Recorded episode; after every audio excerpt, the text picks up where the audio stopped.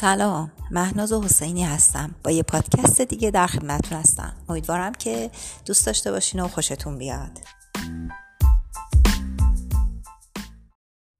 آدم باید یه دختر داشته باشه.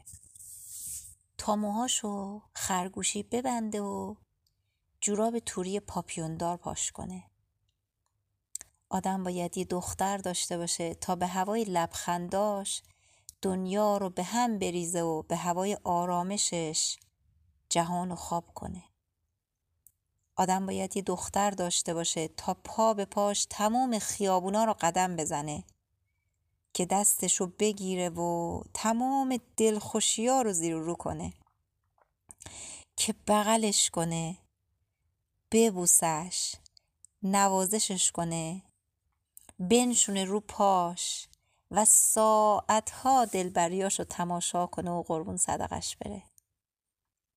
آدم باید یه دختر داشته باشه که بینیازش کنه از جهان و تموم آدما که پایه شیطنتاش باشه و اسیر چشمای زلالش و نگاه های عمیقش. که پا به پاش برقصه و دلخوش باشه و بچگی کنه. آدم باید یه دختر داشته باشه تا جهان و استرابای مداومش رو تاب بیاره که حس کنه میشه به آینده امید داشت که بدونه یکی هست که ارزش این همه جنگیدن و دویدن و دوام آوردن رو داشته باشه. یکی که باید به خاطرش بلند شد وسط رینگ زندگی ایستاد مبارزه کرد طاقت آورد.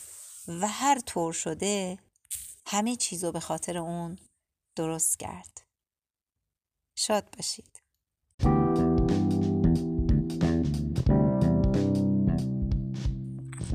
خب دوستان امیدوارم پسندیده باشید و لذت برده باشید و یک کمکی شده باشه که حال دلتون خوب خوب باشه. شاد باشید.